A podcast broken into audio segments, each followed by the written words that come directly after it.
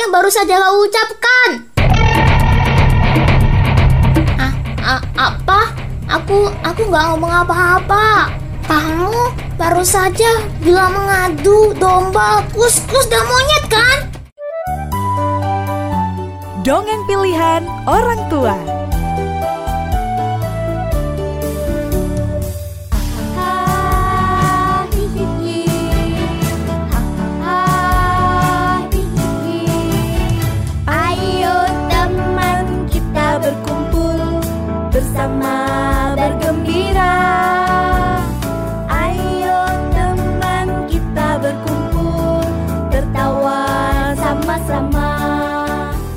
Episode ini merupakan kerjasama Sonora Surabaya dengan Kumpul Dongeng Surabaya.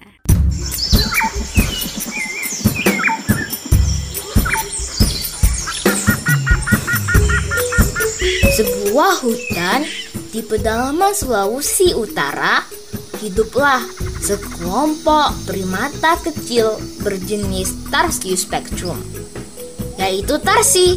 Teman-teman, tahu nggak apa itu tarsi? Tarsi adalah salah satu anggota yang paling bijaksana dalam kelompok tersebut. Tarsi dan seluruh keluarganya hidup di atas pohon. Bahkan saat tidur pun mereka tetap bergantungan di dahan pohon. Meskipun memiliki ukuran tubuh yang kecil, Tarsi terkenal sebagai binatang yang lincah dan aktif bergerak. Sayangnya, mereka hanya beraktivitas pada malam hari. Sedangkan pada siang harinya, mereka akan tidur seperti kelelawar. Hutan tempat tinggal Tarsi hidup pula beberapa jenis binatang seperti maleo, kuskus beruang, dan monyet hitam. Biasanya mereka semua hidup rukun dan saling membantu. Tapi akhir-akhir ini tempat tinggal mereka menjadi tidak tenang. Terdengar kabar bahwa ada pencuri yang mengincar buah milik penghuni hutan. Pasti pelakunya si Kuskus. Dia itu kan suka makan tapi males bekerja. Ucap Maleo. Ya sudah, aku akan sampaikan berita ini kepada yang lainnya. Mereka harus berjaga-jaga, jangan sampai buahnya dicuri juga. Balas monyet. Maleo bergegas meninggalkan. Tapi di tengah jalan, dia justru berbalik arah menuju rumah Kuskus.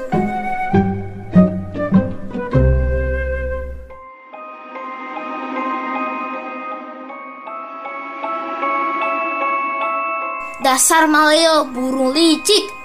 Setibanya di rumah Kuskus, dia justru mengarang cerita yang berbeda-beda. Hai Kuskus, kalian tahu nggak? Sekarang tempat tinggal kita ini sudah tidak aman lagi. Ada pencuri yang mengincar buah-buahan kita. Ucap Maleo. Benarkah? Kira-kira siapa pelakunya? Kuskus balik bertanya. Siapa lagi yang suka makan buah selain kita? Maleo berusaha memancing Kuskus. Si monyet maksudmu? Tebak Kuskus. Nah, kamu sudah tahu gitu. Mulai sekarang kita harus berhati-hati pada monyet. Ucap Maleo. Sejak hari itu, suasana di hutan menjadi tidak tentang seperti dulu. Kuskus mengira monyetlah pelaku pencurian, sedangkan menurut monyet, kuskus pelakunya.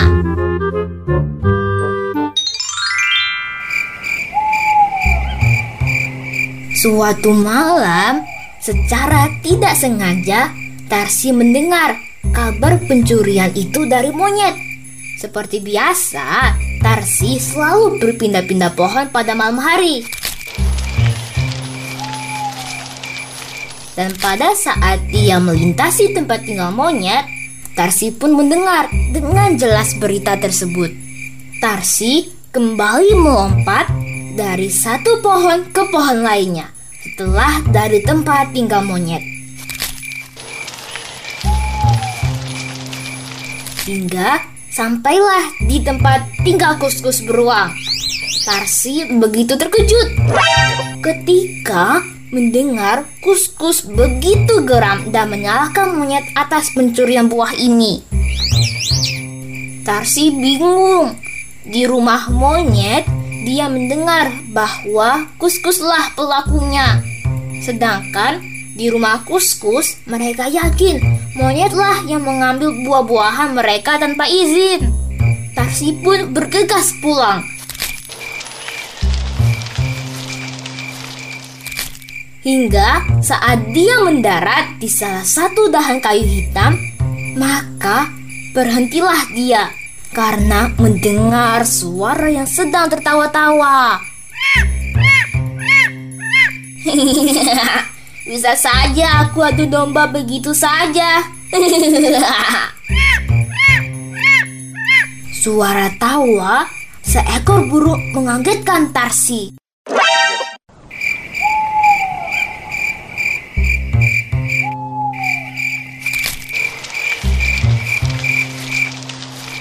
Tarsi pun berhenti sejenak. Kemudian memutar kepalanya hingga 180 derajat.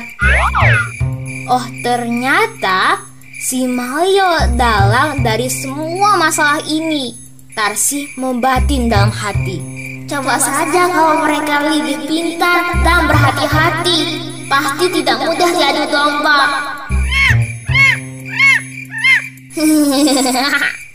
Mario kembali berbicara sendiri sambil terus menertawakan monyet dan kuskus beruang.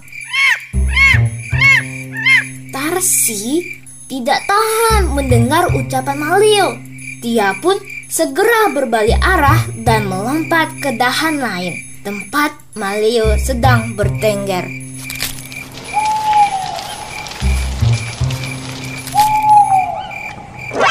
Mario, apa yang baru saja kau ucapkan? Ah, ah, apa? Aku, aku nggak ngomong apa-apa. Jawab Mario dengan sedikit gugup karena kaget dengan kedatangan binatang lain. Kamu baru saja bilang mengadu domba, kuskus dan monyet kan? Apa benar kamu telah melakukannya? Tarsi sedikit membentak. Ah, aku cuma aku cuma bercanda kok. Salah mereka juga kan? Kenapa mereka nggak pintar dan hati-hati? Coba kalau mereka pintar, pasti mereka nggak gampang diadu domba. Jawab Mario dengan terbata-bata. Kamu jahat sekali. Bercanda boleh, tapi jangan kelewatan. Lihat sekarang, teman-teman kita saling menyalahkan satu sama lain. Hutan sudah tidak tentram lagi karena ulahmu. Mata Tarsi yang besar dan bulat nampak membelalak. Dia marah kepada Mario.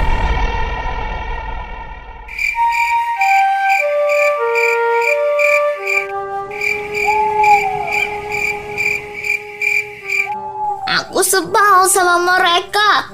Kuskus dan monyet selalu bekerja sama, sehingga mereka lebih cepat memetik buah-buahan. Aku sering tidak kebagian. Akhirnya jatah makananku berkurang.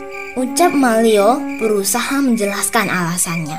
Kita tidak boleh mengadu domba untuk kepentingan sendiri. Apa kamu senang kalau penghuni hutan berkelahi? Tanya Tarsi lagi. Aku nggak mau, tapi aku terpaksa. Kini aku menyesal. Besok aku akan meminta maaf kepada kuskus dan monyet.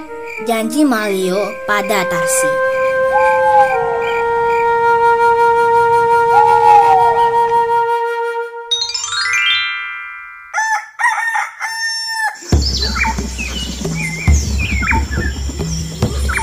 Keesokan paginya, Maleo mendatangi kuskus dan monyet.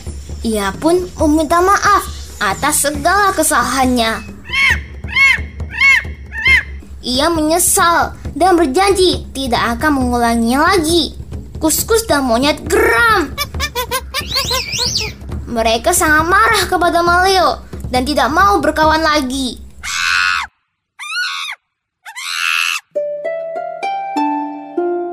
Tarsi sedih mendengar hal tersebut. Maka pada malam harinya, Tarsi mendatangi kuskus dan monyet secara bergantian. Dia menceritakan semua hal yang dikatakan Malio padanya. Salah satunya ya mengenai jatah makan Malio yang berkurang karena kalah cepat dengan kuskus dan monyet. Monyet dan kuskus pun merasa bersalah karena membuat Maleo kekurangan jatah makan. Akhirnya malam itu mereka berjanji akan berbagi makanan dengan Maleo. Tarsis senang sekali mendengarnya.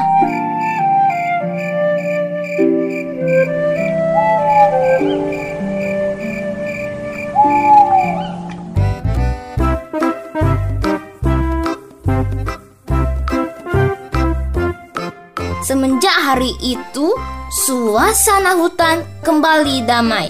Mereka kembali bersahabat baik, berkasih Tarsi yang tak suka ngadu domba.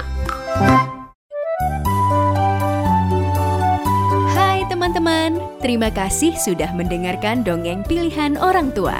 Sampai berjumpa di dongeng berikutnya ya teman-teman. Dadah!